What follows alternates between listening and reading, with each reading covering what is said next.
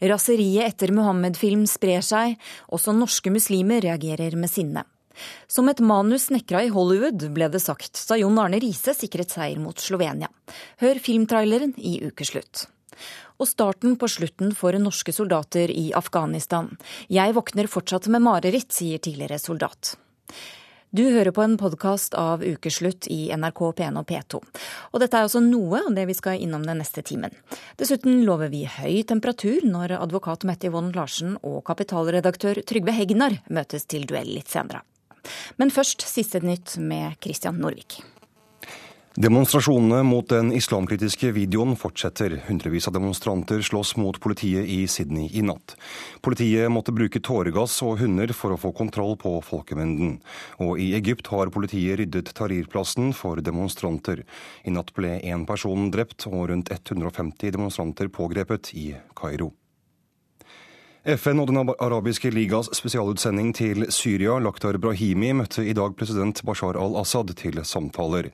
Brahimi sier borgerkrigen i Syria er en trussel mot det syriske folk og mot verden. Han har tidligere sagt at det er en nærmest umulig oppgave å løse konflikten i Syria. På Sunnmøre leter politiet etter føreren av en bil som gikk rundt og havnet i sjøen ved Berge i Herøy kommune. Dykkere fra brannvesenet har foretatt søk i sjøen, og politiet tror føreren har kommet seg på land på egen hånd, men har ikke funnet vedkommende. Politiet er i samtaler med bileieren, som hevder han ikke kjørte bilen. En person ble drept og fem andre ble såret i et overfall med kniv på en kafé i København, melder dansk politi. En person er pågrepet i saken. Og i 2006 ble en person drept i en skyteepisode ved den samme kafeen. Og Oslo universitetssykehus må gjennomføre store kostnadskutt også neste år. Sykehuset må redusere kostnadene med over 700 millioner kroner i 2013. Norsk Sykepleierforbund frykter det vil føre til færre leger og sykepleiere. Og nå fortsetter ukeslutt. Allahu akbar! Allahu akbar! Allahu akbar! Demonstrasjonene mot filmen 'Innocence of Muslims' sprer seg som ild i tørt gress. Filmen er en latterliggjøring av profeten Mohammed og viser ham bl.a. som en utro kvinnebedårer og en barnemorder. Amerikanske konsulat og ambassader i flere land er angrepet, og bare i går døde minst åtte mennesker i opptøyene. Fahad Qureshi, leder for Islamnet, som er eh, Norges største frivillige muslimske organisasjon. Du fortalte meg at flere ungdommer har tatt kontakt med dere. Hva er det de sier? Veldig mange ungdommer er eh, frustrerte over eh, denne filmen og hvordan de skal reagere. Hva skal de gjøre? Mange føler seg mobbet, og de syns det er veldig ille det som har skjedd. Men de forstår ikke hvordan de skal reagere til filmen. Mm.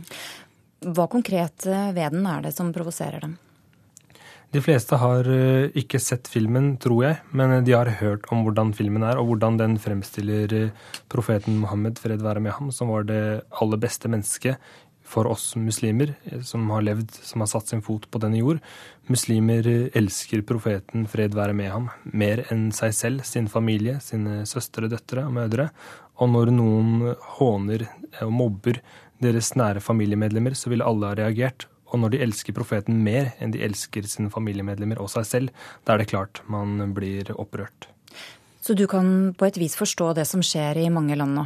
Jeg forstår det som skjer. Jeg syns ikke det er riktig måten folk reagerer på, men jeg forstår det. Fordi du kan sammenligne det med en bølle som plager en skoleelev helt til eleven klikker og skriker ut. Og så ser du folk samler seg rundt, men da syns de synd på bøllen fordi det er han som blir skreket til. Og det er slik du kan sammenligne det med nå. For du har sett eh, i hvert fall deler av filmen. Hva gjør det med deg å se den? Det aller første jeg ble overrasket over, er at det i det hele tatt kalles en film. Det er jo helt eh, patetisk hvor dårlig den er laget. Det er en dårlig lavbudsjettsvideo som er laget, og innholdet er av rasistisk opphav, syns jeg. Det er meget krenkende. Det er mobbing. Generelt organisert mobbing av muslimer. Noen vil kanskje forkle det i ytringsfrihetens navn, men mobbing er ikke tillatt verken i ytringsfriheten eller alle andre samfunn. Bør, bør sånne handlinger straffes? Altså bør, det, bør, den som har laget det, straffes? Det bør komme en internasjonal lov som forbyr eh, organisert mobbing av eh, religioner eller andre folkegrupper som blir utsatt. For du tenker at dette er organisert mobbing? Det er, organis Det er jo organisert mobbing når det rammer en gruppe på den måten der. Altså, det er jo tydelig at den er laget for å skape provokasjoner, for å gi muslimer et dårlig bilde i ettertid. Mm. Hva bør straffen være? Straffen bør jo være at det er ulovlig. Jo, myndighetene burde bestemme hva den straffen bør være. Mm. David Hansen, du har spesialisert deg på politisk islam, eh, og du jobber ved Senter for internasjonal og strategisk analyse. Hvordan forklarer du det som skjer nå? Jeg tror det er viktig å se det på forskjellige nivåer, hvor eh, religionen, slik, eh, slik man i akademia veldig ofte ser på det, er en forsterkende faktor. Det ligger veldig ofte andre faktorer til grunn for at eh, demonstrasjonene i det hele tatt finner sted, og at reaksjonene blir så sterke som de blir. Uh, hvis man tar eksempler fra Midtøsten og Sør-Asia spesielt, og da i uh, mer spesifikt forstand det kompetanseområdet jeg har, fra Afghanistan og Pakistan, så er det veldig ofte slik at politikere bruker dette her, religiøse ledere bruker dette for å spinne opp under egen oppmerksomhet. Det gir de legitimitet ved å vise motstand mot det som oppfattes mot en, eh, mot en undertrykkelse fra Vesten, og spesielt da de siste 10-11 årene.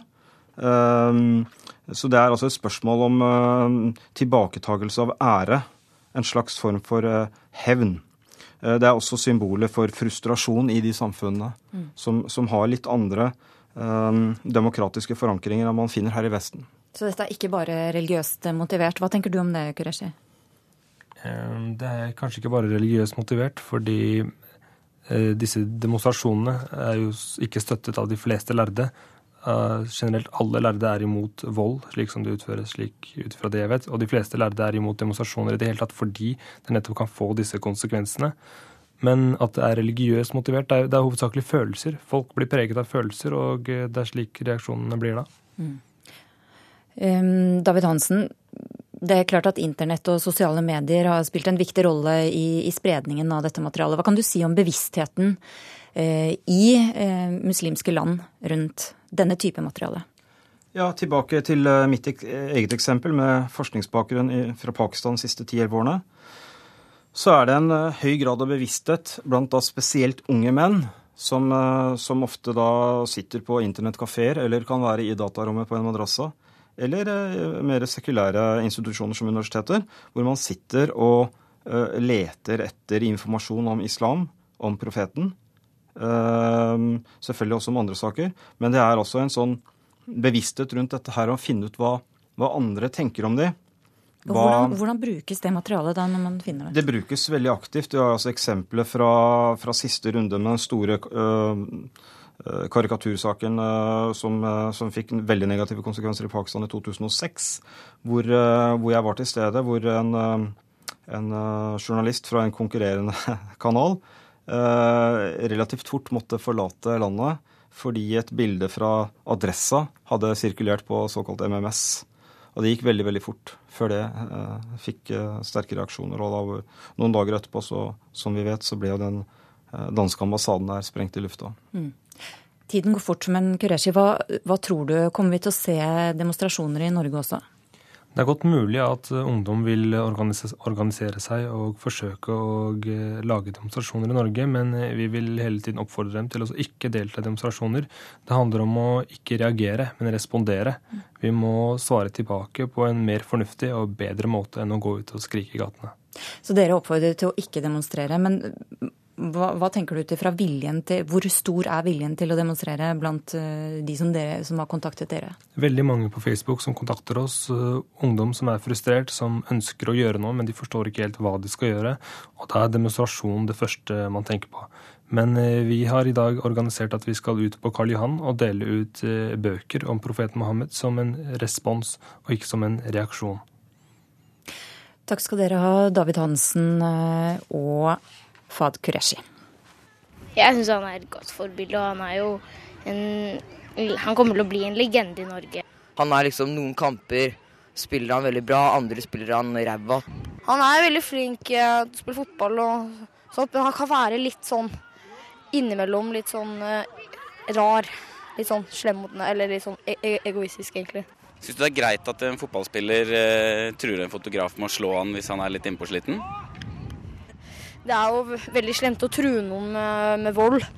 Men jeg skjønner det litt grann hvis en er så tett innpå, innpå deg hele tida, sånn et kvarter, ti minutter uansett. Men skal fortsatt aldri true en med å bruke vold. Ja, jeg er jo keeper, så jeg syns ikke en keeper burde oppføre seg sånn mot sånne journalister og reportere. Er han et forbilde for deg? Nei, overhodet ikke. Ja, det mente noen unge talenter eh, om landslagsspillerne Jon Arne Riise og Rune Almenning Jarstein. De har preget VGs rosa sider, så vel som eh, TV-nyhetene og sosiale medier de siste dagene. Førstnevnte for å ha tvitret at han fortjener å stå på sokkel i Ålesund, og den andre for å by en pressefotograf på juling. Og sånn oppfører man seg ikke, det mener du, sportskommentator i Dagbladet Morten Pedersen. Hvorfor er ikke det akseptabelt? Fordi at det er i beste fall veldig, veldig dumt, og det skaper mye støy. Og når man skaper støy, så tar man fokus vekk fra det det handler om. Det er fotball og forberedelser til fotballkamper. Og det er det siste eh, landslaget til Norge trenger. De hekkene som vi skal passere i fotballkamper er høye nok som de er. Men dette har jo skjedd utenfor banen. Kan de ikke få være seg selv eh, så lenge de gjør det de skal på banen? Eh, jeg holdt på å si nei, de kan ikke det. For så lenge de er på samling. Og for å begynne med den første, det som virkelig dro i gang den siste ukas rabalder, er Jon Arne Rises to uh, twittermeldinger.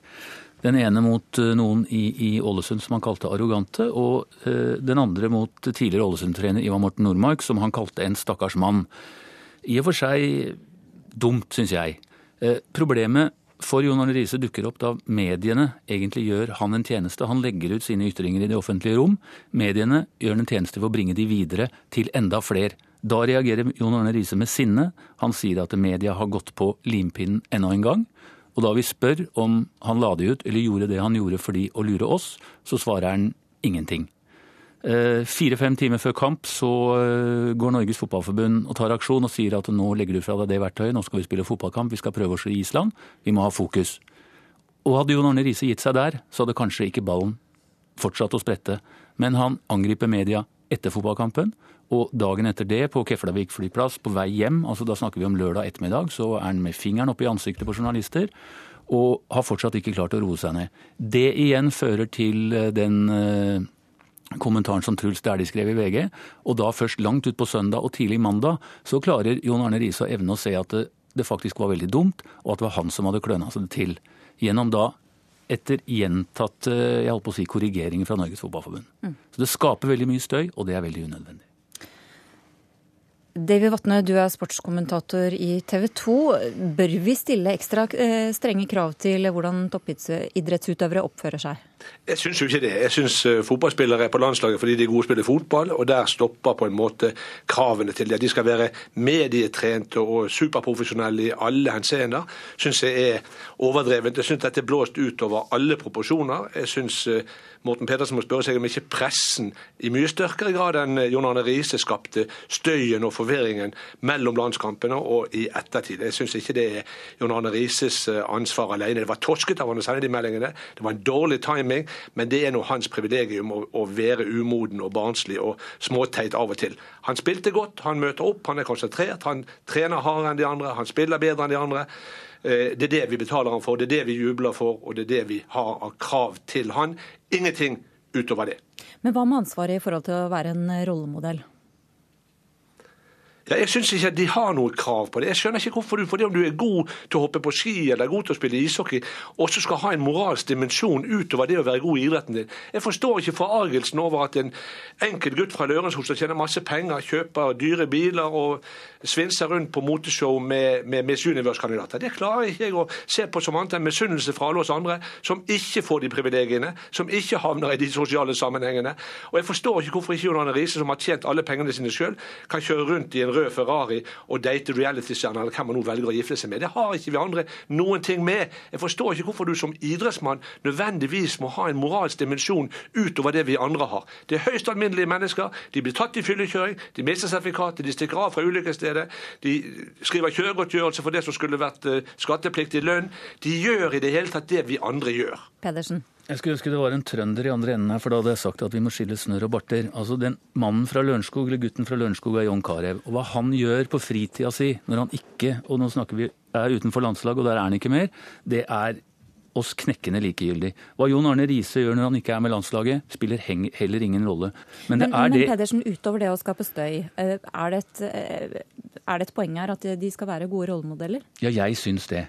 Eh, og spesielt ettersom når de har fått beskjed om det fra arbeidsgiveren, som er Norges Fotballforbund. Tidlig i år, i mars, så ble det distribuert til alle landslagsspillere et hefte som heter 'Jeg spiller for Norge'. Det var over 20 sider. Alle skulle sette seg inn i det. De har kanskje ikke gjort det, da? Helt tydeligvis ikke. Og jeg skjønner også hvorfor, for det var ganske pompøst. Det var eh, bl.a. Eh, informasjon om kongehuset, hvor også da fotballspillere blir fortalt at eh, kongen vår var formann i KNS fra 1969 til 1972. Altså det, det, det er for mye informasjon.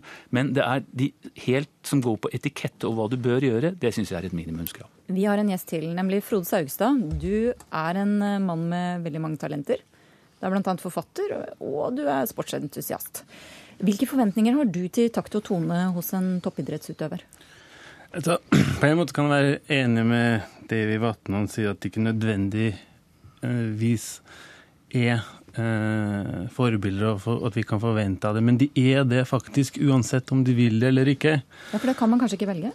Nei, man kan ikke det. Og, og, da tenker jeg også litt på en del andre ting som har skjedd eh, i, i media offentlig sist. Og for noen del år siden så jobba jeg som PR- og markedssjef i et firma som var en av hovedsponsorene til Vålerenga.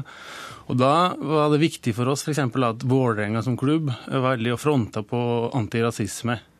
Og klart at Vi som, eh, som sponsor, som faktisk tross alt også betaler da, lønningene til disse fotballspillerne gjennom Eh, sponsorinntekt og sånne ting. Eh, vi har jo ikke lyst til å assosiere oss med en klubb og en spillere og en, et lag og en holdning som på en måte går på tvers av de holdningene som vi som et firma eventuelt har. men de er jo med å skape litt uh, oppmerksomhet om seg selv jo, og sin egen person? Jo, men vi er interessert i at de skal skape oppmerksomhet om seg sjøl pga. gode prestasjoner, ikke fordi at de da har enten rasistiske holdninger eller homohetsholdninger. Og det er helt uforståelig for meg at Markus Pedersen ikke bare blir revet rett av banen og idelt ti kampers karantene minimum. Et annet godt eksempel er jo Solskjær i sin tidlige United-karriere. Som sistemann løp over halve banen og felte en motspiller. Han hindra mål, han fikk rødt kort, men det var ikke sånn United skulle vinne kamper. Og det fikk han klinkende klar beskjed om. Og derfor endra han også holdningen. Og sånn må jo liksom komme fra toppen. Og når de ikke gjør det, så er det ikke rart at disse fotballspillerne som eh, forventer å tjene 500 000 når de er 18 år og sitter på benken i Tippeligaen og spiller TV-spill, ikke kan bedre. I gamle dager så var det ett stort norsk fotballag på 90-tallet, og det var Nils Arne Eggen som styrte det. og Han styrte alt. Og da måtte spillerne enten studere eller jobbe ved siden av for å få ned inn under skolten annet enn å spille fotball. Og når Jon Carew da kom på trening med hvite fotballsko, så sa Nils Arne Eggen fotballskoen skal være svart. Og så måtte han gå hjem og ha på seg svarte fotballstøvler før han fikk fortsette. Derfor var Rosenborg best både på og utenfor banen. Og det er helt sånn åpenbart at har du lest én eller to eller ti bøker så, så oppfører det også bedre. nå, nå, ble jo Myggen en slags intellektuell landslagsspiller fordi han hadde lest 'Hvite negre' av Ivar Bjørnsen. Og de andre fotballspillerne koketterer med at de bare har lest ABC for førerprøven. Sånn er det. Men hvem er vi som skal dømme de? Hvem er vi som skal uh, rakke ned på fotballspillere for deres verdier og holdninger? Jeg synes det er så arrogant, det er så sjølgodt av det der kommentator, uh, kommentatorer i Oslo som, som sitter seg på sin høye pidestall og, og vet best hvordan alle andre skal innrette seg. Det er jo, et, det er jo helt fenomenalt sjølgodt, arrogant og nedlatende. Og jeg skjønner ikke hvordan du kan holde på sånn. Nei. Dette er strålende gutter, egentlig. Er... Jo, men klart at Hadde de da ikke hatt behov for å hetse andre, f.eks. som Markus Pedersen, hadde han lært da hjemme at de skal respektere alle andre, så hadde han ikke oppført seg sånn? Nei, det er helt riktig. Det er tarvelig og, og, ja, og tåpelig og, og idiotisk. Og så må det da få en konsekvens, men, for hvis det får en konsekvens Pedersen, men, men kjære, det, kjære det, publikum provoserer og irriterer, og har heller ikke fått over Selv Silkerampen i Bærum klarer ikke å oppføre seg. Fra møblert til jeg. Jeg, jeg, jeg blir helt satt ut ja, at en premissleverandør for så mye meninger i norsk fotball kan sitte i Bergen og si at de som er i Oslo, faktisk ikke kan få lov å mene det de mener. Det eneste dette her handler om, det er hva Norges, norske landslagsspillere bør gjøre ut fra det de har å forholde seg til når de er på samling. Det er det vi snakker om. Og de reglene er det ikke journalister i Oslo som har satt, det er det Norges Fotballforbund som har satt. Takk skal dere ha. Rene Hollywood-filmen ble det sagt da Jon Arne Riise stoppet munnen på kritikerne med vinnermålet mot Slovenia. Vi har prøvd oss på å lage en trailer til filmen om Jon Arne Riise. I en jugendby vest i Norge. En rødhåret gutt med talent. Og med ett ønske bli sett. Ja, jeg er en person som liker å stikke fram nesa. Ja, jeg er en person som har gjort en del ting som eh, har sett dumt ut. Nå kommer filmen om hans liv. Gjør deg klar til norgeshistoriens største drama. Vi kjenner han ut og inn. Dette er Jon Arne Rises liv. Jeg har ikke lyst til å spille fotball og også drive og tenke på alt annet utenom. En mann. Nei, det er klart, eh, jeg har vært gjennom mye tøft i livet mitt. En tweet. En Twitter-melding. En statue. Da ender du opp som en tufs. En Ferrari og et liv i blitsregnet. Han, han broderer navnet til kjæresten sin på skoa før vi andre har fått med seg til slutt med den forrige. Om en gutt som blir mann. Altså, Jon Arne Riise er ikke lenger 18 år. Altså. Han er 32 år. Altså, Karakterdrapet starter jo i det øyeblikket du ber om mer hyllest. En storm er på vei. Det har vært tøft med rota mi noen greier igjen. En hittil ukjent fiende trer inn i lyset. Jeg tror at løpet er kjørt i forhold til det å lære. Han er blitt en tufs. Jeg velger å ikke gå i en krig. Det gidder ikke, for det er en krig aldri kommer til å vinne. De som vil ha mer hyllest av seg selv, de ender som regel opp som tufser. Jeg syns det er hjerteskjærende. Men så Inni meg så vet jeg at dette skal jeg klare, og det skal jeg helt sikkert klare. Og jeg skal vise dem hjemme at det, det var tull, at det, jeg ikke skal klare det. Så det, jeg skal klare dette her. Å etterlyse hyllest for seg sjøl, det er en øvelse som sjelden går bra, altså. En gråhåret ridder til unnsetning. Kan ikke frakjenne mannen all ære. Du kan ikke kalle han en tufs.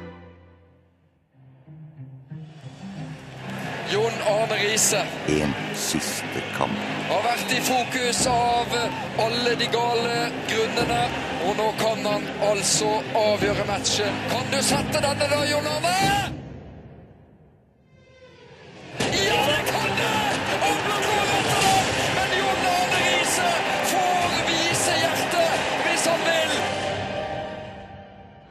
Her kan, jeg- her kan jeg skrive egen historie, det gjorde det var fy Ja, det var helt sykt. Filmen om Jon Arne Riise kommer på en kino nær deg høsten 2012. Ja ja, det blir kult. Det blir kult. Ja, og Regien var det reporter Aksel Wilhelm Due som hadde. Du hører på en podkast av Ukeslutt i NRK P1 og P2.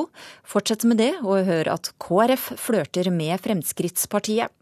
Ikke veldig sannsynlig at det ender med giftermål mellom den gamle kristne dama KrF og den unge ølhunden Frp, sier kommentator. Paret får samlivsråd av terapeut Frode Tuen i Ukeslutt. Og bladet Kapital får Se og Hør til å se ut som et menighetsblad, mener advokat Mette Yvonne Larsen. Om litt møter hun Trygve Hegnar til duell. Men først. Denne uka ble tilbaketrekningen av norske styrker i Afghanistan ja, denne uka begynte tilbaketrekningen av norske styrker i Afghanistan. Over 7000 soldater har tjenestegjort for Norge, og hos mange har erfaringene satt dype spor. Ukesluttsreporter Ida Tune Øritsland har møtt en av dem som har mareritt fra tiden i Afghanistan. Og den tidligere soldaten ønsker å være anonym, og derfor så har vi fordreid stemmen hans noe. For min del så, så begynte jeg å utsette uh, lenger og lenger det å gå og legge meg, fordi jeg var litt sånn uh, Jeg syntes det var vanskelig å gå og legge seg. Han du hører, er en av de norske soldatene som har vært i Afghanistan. Er flere år siden han kom hjem. Likevel har han fortsatt minner han tenker på hver dag. De gangene jeg ikke jobba, uh, jeg jobba gjerne dobbelt i lange perioder, så fulgte jeg opp dagene med å finne nye prosjekter, pusse opp, rive noen vegger som egentlig ikke trengtes å rives, og hele tiden skapte meg aktiviteter, og gjerne som gjorde at jeg ble såpass sliten at, at jeg måtte sove. Legene skriver at han er en ressurssterk mann, til tross for at han har diagnosen posttraumatisk stress. Så øh, klarte jeg kanskje å sove to-tre timer før jeg våkna opp av mareritt om at, øh, at jeg var i fare. Han er yrkesskadet, men jobber likevel mye. Han er leder i et firma, og vil ikke at alle skal vite hva Afghanistan har gjort med han. Derfor har vi forvrengt stemmen hans. Det var kanskje under, under, tjenesten i Afghanistan at jeg følte at det her var, var litt uhåndterlig. Og at det var vanskelig å få oversikten over både hvem fienden var, hva vi skulle gjøre der, altså hva oppdraget var. Er vi i krig, er vi ikke i krig?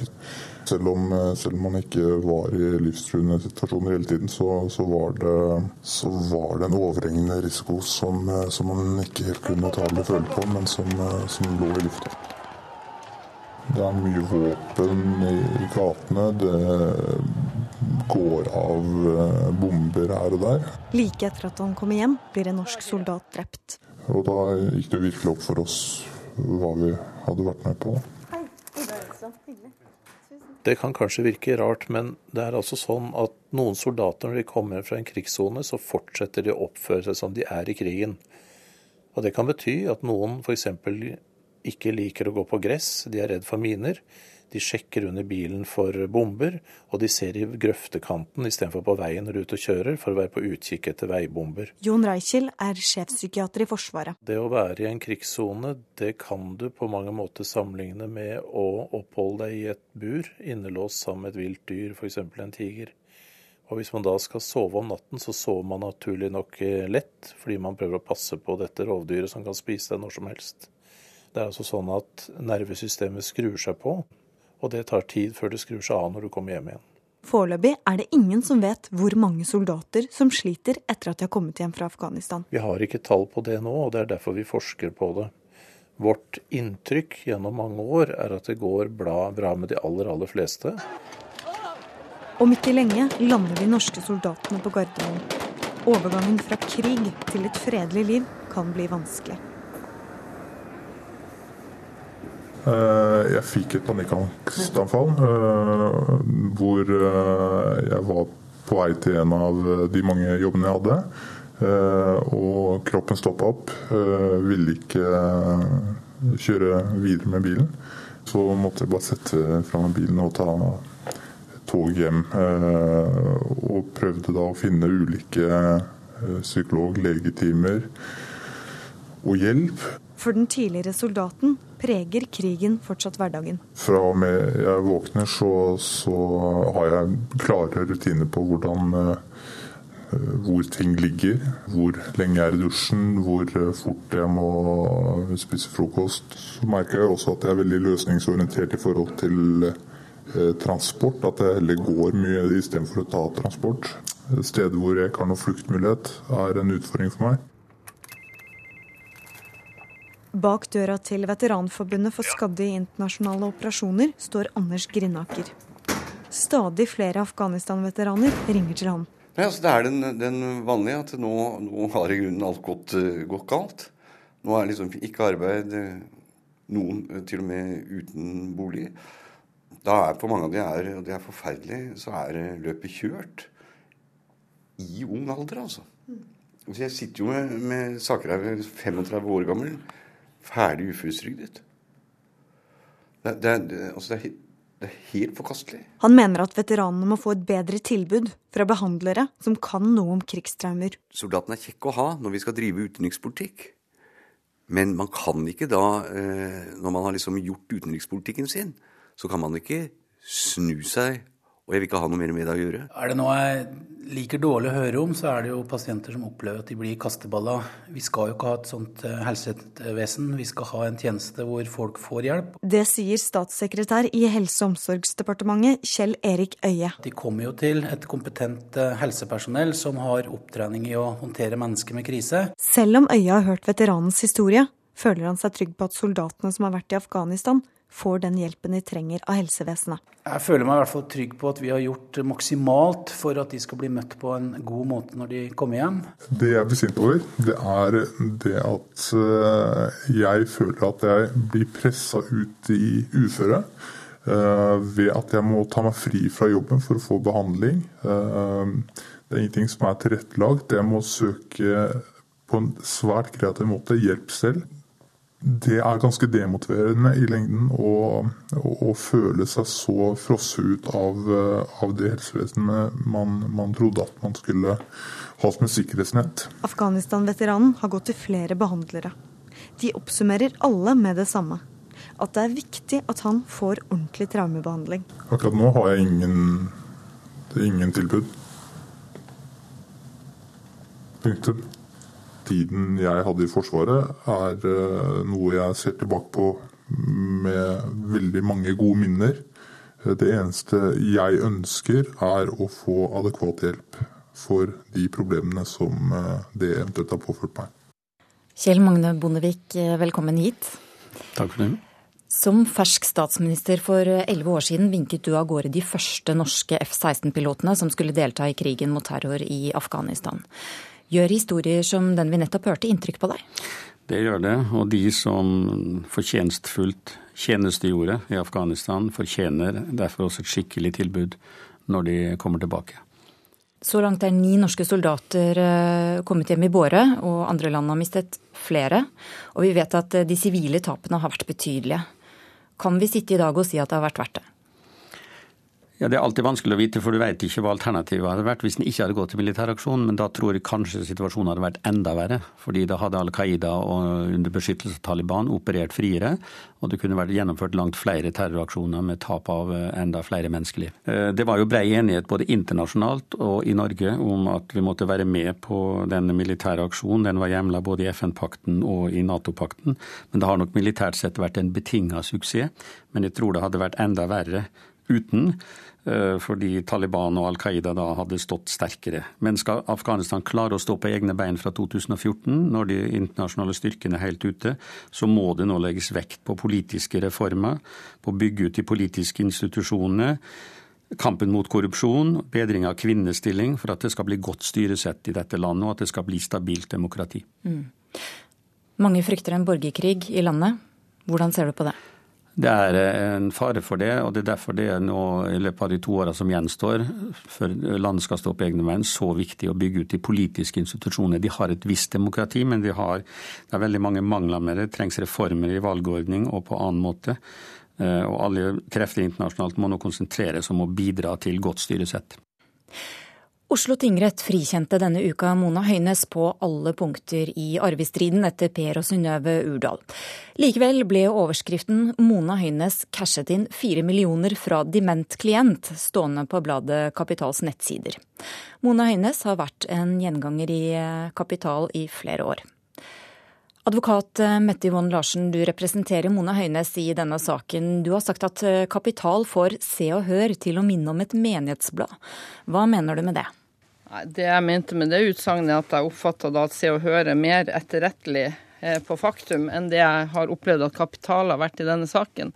Så det var det jeg mente. og jeg bygger vel på hvilken måte? Nei, jeg, jeg, altså Nå har jeg med meg eh, en del av de eh, numrene i Kapital har, hvor Mona Høines er omtalt. og Det er jo en 10-15 cm med omtale av henne de siste to år hvor det aller meste eh, som er omtalt, er rene spekulasjoner og ting som overhodet ikke stemmer med faktum. Og selv denne uka her, da, hvor eh, Hegnar antagelig også fikk dommen mandag morgen, så har, har han hatt på nettsida si frem til i går at hun casha inn penger for dement klient. Så ordet dement er jo tilbakevist, og også klient. Mm.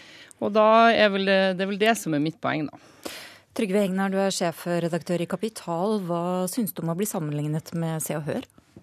Ja, Nå er jeg ikke så ivrig leser av Se og Hør som advokat Larsen er åpenbart. Eh, jeg syns det er en tåpelig uttalelse, og det burde hun være god nok til å si noe om. Eh, det er, det er sånn eh, avsporing av en ganske viktig sak. Kapital har dekket denne arvesaken i et par år, par år, det er helt riktig. Vi har vært grundige, skikkelige, ordentlige. Og jeg vil påstå at absolutt det, alt som har stått der, har i hovedsak vært riktig. Men det er en komplisert sak. Den endte i retten. Vi har ingenting med den rettssaken å gjøre. Det er åtte arvinger som saksøkte Mona Øynes. Men vi har dekket saken, og de har gjort veldig grundig. Og det er slurvete og usaklig, det som da advokat Larsen kom med. Ja, for Larsen, du kaller det spekulasjoner? Ja, det er jo rene spekulasjoner. Altså, det som er verst her, da, det jeg har lyst til å nevne, det er at uh, ca. 5 cm av Kapital sin omtale, eller 3-4 i hvert fall, kom før Synnøve Urdal døde. Man har altså hengt ut en dame på forsiden av et blad som fortsatt var i live, uten at hun hadde noe tilsvarsrett eller noe som helst. Så henger man henne ut som dement, og, og Hegnars blad fikk også en pressemelding fra den samme dama som hun sa vær så snill å slutte å skrive om meg. Og da tenker jeg at de ikke gir seg, og at de i hvert fall ikke gir seg denne uka her, når de vet hva Oslo tingrett har sagt, og de har tilbakevist absolutt alt som Hegnar har skrevet nå i to år. Dette er bare vås å si at de har tilbakevist alt. For det første er ikke Kapital part i saken, og det vet advokat Larsen. Eh, åtte arvinger var part i saken. Kapital har dekket dette som et presseorgan, og det er ikke tilbakevist hva vi har skrevet i disse årene. Alt hovedsak er det vi har skrevet er riktig. Den som har opptatt uetisk og meget stygt i denne saken, er advokat Larsen, som setter, drittpakker til pressen for å mistenkeliggjøre og Ja, Hva slags drittpakker da? Ja, Hun sendte en, en drittpakke til pressen før saken kom opp, for, for å da på en måte å tråkke på sin der, motpart, advokat Gade. Eh, og Det er jo helt uhørt i, i, i norsk advokathistorie at noen sender da slike drittpakker. Hun sendte også en drittpakke til retten for å tråkke ned et vitne som da disse arvingene hadde. hadde. Og det, altså, når Larsen snakker om etikk til meg, så blir det nesten kvalm. Eh, jeg fikk det da, Larsen var faktisk så jeg holdt på å si, klønete eller dum at hun sendte den drittpakken også til Kapital ved en, ved en feiltagelse. Så vi har lest den drittpakken. mye. Vi har sett hva hun har sendt til pressen for da på en måte uskadeliggjøre stakkars advokat Gade før saken begynte. Så når det gjelder etikk og moral, så mener jeg Larsen har ingenting å, å bidra med. Stemmer det, Larsen? Ja, For det første så, så det som er viktigste jobben for oss advokater, det er å ha oversikt over faktum. Der tror jeg Hegnar sliter. Han har, han har jo heller ikke den bakgrunnen. Fordi at det som en omtalte drittpakken, den ble faksa til Kapital. Det var ikke snakk om noe feiltagelse. Det var faksa til Camilla Birkeland. Jeg sitter med kopi av brevet. Eh, og innholdet i den faksen fra meg var først og fremst informas saklig informasjon om Synnøve Urdal og Per Urdal og deres relasjon til Mona Høines for å prøve å få Kapital til å skrive på en annen måte. Det lyktes vi ikke med. Det som er interessant, er at Hegnar er opptatt av etikk. Den eneste som har et øyeblikk, et øyeblikk den, eneste, den eneste som har fått etiske, eh, etiske eh, klager mot seg, og som har blitt felt i denne saken, er Trygve Hegnar to ganger av PFU i Finansavisen eh, og i forhold til Kapital. Verken jeg eller Mona Høines er noen gang felt i denne saken for brudd på god advokat. Men, men, men, men alvorlig talt, men alvorlig talt altså, den pakken vi fikk, som pressen fikk Det hjelper ikke å si alvorlig talt. Jo da, det er absolutt alvorlig talt. Den pakken som vi fikk og andre fikk, den inneholdt en kopi av en artikkel hvor da tidligere klienter av Gade hadde gått til søksmål hos Gade, og den var sendt ene og alene for å trekke, tråkke ned og, og, og, fremstille Gade som en dårlig advokat. Den saken vant han faktisk. Vi kan faktisk ikke gå for detaljert advokat, og det er sikkert godt for han. Den saken vant han. Vi kan ikke gå altfor detaljert inn i dette materialet. Men Hegnar, hvorfor har dere vært så opptatt av denne saken? Jeg mener at den saken er veldig viktig. Vi har hatt en stor lignende sak oppe i norsk offentlighet, som, hvor dom kom for noen måneder siden, hvor da eh, advokaters økonomiske interesser ble blandet sammen med klientenes. Eh, det var nesten helt likt. Det var en gammel skipsreder som da eh, endte opp med at eh, advokaten hans tok alle pengene. Etter tre rettsinstanser, tingrett, eh, lagmannsrett og høyesterett, så fikk da arvingen tilbake pengene sine. Denne saken er på mange måter lik.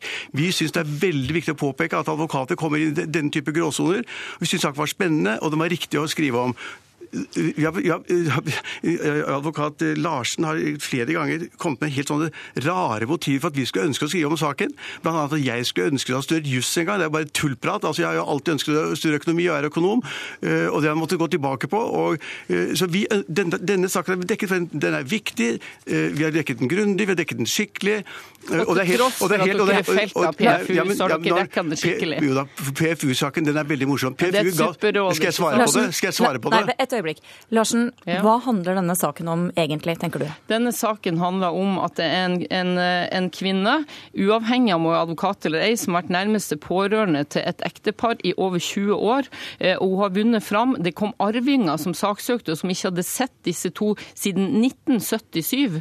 De kom og mente at de fortjente pengene. men det er Mona Høine som var disse to nærmeste. Og det er uinteressant at hun er advokat. Hun er ikke innklaga for forholdet, jeg er ikke innklaga for forholdet. Og den eneste som innklager og felt, er altså Trygve Hegnar. Mm. For du sier, du sier også, Mette Yvonne Larsen, du, sier, du sier også at uh, Høines har vært utsatt for to års sammenhengende trakassering ja, fra Kapital. Det stemmer. Hva bygger du det på? Jeg bygger det på at det står på forsida av Kapital 'kuppet en eldre dame'. Denne uka her, senest i går, så står det 'cashet inn penger fra dement klient'. Ja, Vi snakker om to år tilbake. Ja, to år tilbake. Det er altså det er, ca. 15 nummer av Kapital hvor enten vært på forskjell på innsida hvor man sier dette er en advokat som ikke bør ha bevilling', man lager lage en liste over advokater som likevel, til tross for uetisk atferd, har beholdt bevillinga. Og poenget er at hun har ikke opptrådt som advokat. Og dette går ikke inn hos denne redaksjonen, og det er veldig synd. Hegnar, var det en litt bitter pille for dere å svelge da hun vant i retten denne uka? Overhodet ikke. Jeg er jo ikke part i saken. Presseorganet dekker jo saker i retten av alle typer, enten det er krangel om eiendommer eller om det er eller pressen følger intenst asylsøkere som blir sendt ut av landet osv. Pressen blir ikke part i saken fordi disse sakene endres domstolene. Men det, men det, men det er ganske frekt. Hvorfor har du ikke omtalt ja, dommen, ganske, da? Larsen, kan du la andre slippe til litt? Vær så god. Ja, takk. Det er helt riktig at vi er felt i PFU i denne saken, fordi vi brukte uttrykket kuppet gammel dame. Det er det eneste For øvrig fikk vi ros fra, fra, fra I Kan jeg få snakke ferdig? I Nei, for de refererte bare kapital. Det er ikke en ny sak i det hele tatt. Du bare tuller. Poenget var at vi i PFU ble felt på uttrykket kuppe. Jeg mener fortsatt at Mona Hennes kuppet denne gamle damen. Men kuppe er ikke et strafferettslig begrep. Og det finnes mange måter å kuppe på. Men PFU sa da at det var viktig å ta opp saken. Dere, Vi er nødt til å avslutte. Mona, Mona Hennes, er eh, frikjent i retten, i hvert fall. Ja, men jeg er, jeg er ikke part i den saken. Det må iallfall da Men du kan jo omtale når du har lidd på et nederlag, så kan du i hvert fall Jeg har ikke noe nederlag i det hele tatt. Du har det. Det er tull, tullprat. Saken blir kanskje, saken blir kanskje anket. Saken blir kanskje anket, den er ikke rettskraftig ennå. Og da kan vi få en helt, helt, helt annet utfall. Vi vil dekke saken fortsatt, og vi er ikke part i den. Mm. Takk skal dere ha. Mette Yvonne Larsen og Trygve Hegnar. Nå har dere begynt å gå løs på dommeren. Nei, men du ljuger jo, Larsen. Nei, men ljuger. Jeg er nok bedre på tunge tungekyss. Da er KrF veldig tydelig på at vår toleranse det gjelder alle tunge kyss. Til det har jeg bare én ting å si. Det kommer ikke til å bli en liberal asylpolitikk i Norge. Nei! Jeg er nok bedre på tunge kyss. Tunge da.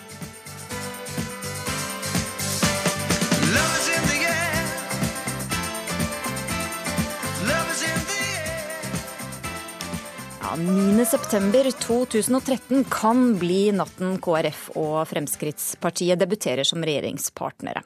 For mens forgjengerne Kjell Magne Bondevik og Dagfinn Høybråten lovte at de aldri ville samarbeide med Fremskrittspartiet, åpner nå arvtaker Knut Arild Hareide for å inngå partnerskap med nettopp Frp. Og politisk kommentator i Dagsavisen Hege Ulstein, blir dette litt som å gå til sengs med fienden? Ja, til sengs og til sengs. Jeg tror ikke det blir noe særlig gymnastikk oppi den senga i så fall. Eh, det er vel mer å anse som et eh, ganske kjærlighetsløst eh, forhold, det KrF forbereder seg på nå. Og Hvis man på en måte skal karakterisere partiene for å liksom illustrere forskjellene her, hvordan vil du gjøre det? Nei, Nå vet jeg jo at vi har en samlivsekspert med oss i denne sendingen, så det kan jo være kanskje fristende å, å bruke noen av de litt sånn uh, sjablongaktige partistereotypiene på, de, på det forholdet vi, vi ser avtegner seg nå, med den litt eldre, engstelige, frigide kristne dama som har giftet seg med en eh, litt sånn laus fyr som sitter og drikker øl og ser på TV. Jeg vet ikke. Det, jeg ser ikke for meg at det, er et, eh, at det nødvendigvis kommer til å bli et veldig lykkelig ekteskap. I hvert fall. Nei, for Hva slags partnerskap blir det? I forhold til maktbalanse, f.eks.? Nei, altså Maktbalanse er viktig i alle forhold, enten det er et ekteskap eller, eller et, eh, en politisk allianse. og Nå er Høyre kjempestore, Frp er ganske store, mens KrF og Venstre er veldig små. Hvis det holder seg, eh, hvis det blir resultatet neste år, så er det klart at eh, Siv Jensen, som vi også vet da, har lest 'Fifty Shades of Grey' i sommer, kommer til å bli den dominante partneren overfor Knut Arild Hareide. Og det, ja, jeg Eh, jeg syns litt synd på når jeg gjør det. Ja, hvor kan konfliktene typisk oppstå i dette partnerskapet? Ja, Det kan de jo gjøre på mange, eh, mange områder. Men hvis vi, hvis vi, holder litt på dette bildet av, av det ulykkelige ekteparet som er, som er veldig forskjellig, så, og ser for oss at det kommer en liten asylsøker og banker på døra, så, så tror jeg ikke de kommer til å være enige om hvorvidt de skal slippe han inn eller ikke, f.eks. Frode Tuen, du er professor i psykologi og samlivsterapeut. Hva er oddsen for at dette blir et lykkelig partnerskap, sånn som du ser det? Altså Hvis en skal ta utgangspunkt i, i, et vanlig parforhold og bruke på en måte parallellen eller analogien derifra, så er kanskje ikke oddsene så gode. Fordi at Hvis man i utgangspunktet er veldig forskjellig, så krever det i hvert fall spesielt mye oppmerksomhet og innsats fra paret for å finne ut av det for å overkomme de forskjellene. Og ja, Det spørs om de kanskje ikke er for forskjellige til at de kan kunne klare det. Ja, hva slags tips har du til dem? Bør, altså, kan man se for seg at uh, Knut Arild Hareide og Siv Jensen f.eks. burde sette seg i et badekar på kvelden og snakke ut? ja, kanskje det hadde hjulpet. Nei, altså Det som er interessant, nå er jo det samliv som er mitt tema. og Det som er interessant når man holder oss innenfor den sfæren, så, så er det jo ikke først og fremst forskjellene som er avgjørende, men tilliten mellom partene. Sånn at hvis det er tillit og velvilje mellom to parter, så kan de klare å håndtere veldig store forskjeller i oppfatning og verdier og i interesser.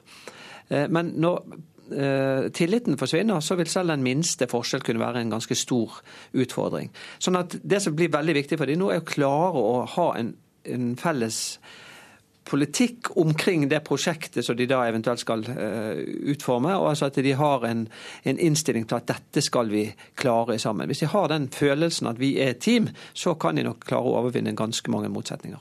Ja, For det lukter jo litt av fornuftsekteskap, dette her. Kan det fungere? Ja, noen ganger så fungerer jo faktisk fornuftsekteskap. Det er, jo, det er jo interessant i de kulturene hvor det praktiseres. Så, så, så sammenligner man gjerne med en vann som varmes opp i. Altså Det begynner kanskje kaldt, og så etter hvert som man har eh, bodd sammen, levd sammen og blitt vant til hverandre, så begynner det å ut, utvikle seg varme følelser og kjærlighet og, og, tilknytning og sånt. Det er kanskje ikke akkurat det man kan forvente her, men, men en viss form for respekt og, og gjensidig tillit eh, må det i hvert fall være, og vil det kanskje også kunne vokse frem av et sånt samarbeid. Kjærligheten tåler alt, står det i en eh, viss bok som jeg tror i hvert fall Hareide har et forhold til. Hegg Ulstein, tror du det kan oppstå kjærlighet eh, mellom partiene? Nei. Det tror jeg ikke. Jeg, jeg, tror at det er egentlig sånn generelt sett veldig lite kjærlighet i politikken. Både mellom politikere og, og mellom partiene. Jeg tror f.eks. ikke at det er veldig mange varme følelser mellom de tre partiene som sitter i regjering nå heller. Ja, Frode Thun, hva slags eh, erfaring har du med par som står veldig langt fra hverandre i forhold til f.eks. For verdispørsmål? Det, det, er vanskelig hvis man er veldig forskjellig på, på, verdispørsmål. Hvor den ene er kristen og den andre ikke, eller hvor den ene er fra én kultur og den andre fra en annen kultur. Det byr ofte på store for, uh, utfordringer. Men igjen så er det da viktig med å kunne kommunisere om de forskjellene, og kunne håndtere de forskjellene på en konstruktiv måte, sånn at de ikke de gir opphav til, til mistillit og til eh, svik, følelse av svik, eller at man føler seg overkjørt, eller eller at man mister helt troen på hele prosjektet. Nå har jo vi tullet litt med dette her, men eh, Hegge Ulstein, de harde fakta er jo at dette kan bli en realitet. Og hva slags eh, regjering blir det da, i så fall? Jeg tror det er mest sannsynlig at de ikke flytter sammen. Eh, fordi at hvis de gjør det, så er det ikke snakk om at de kommer til å være uenige om fargen på gardinene. De kommer til å være uenige om helt grunnleggende ting som skal vi ha barn eller ikke. Men antagelig, tror jeg, så, så, så, vil det ende opp med en Høyre-Frp-regjering i så fall. Og så vil Venstre og KrF uh, eh, være i Stortinget og fungere som støttepartier. Jeg tror nok det er det KrF også ser for seg som den mest sannsynlige løsningen. og Tun snakket i sted om arrangerte ekteskap, fornuftsekteskap. Men, men, jeg tror nok også på mange måter at for KrF så, så vil Eh, ville det å sitte i regjering med Frp nærmest oppleves som et tvangsekteskap. Og det er vi vel enige om alle sammen at det er vi ikke for. Mm. Takk skal dere ha, Hege Ulstein og Frode Tuen. Du har hørt på en podkast av Ukeslutt. Ansvarlig for sendingen Magnus Bratten. Teknisk ansvarlig Eli Kyrkjebø. Og i studio satt Elisabeth Onsum.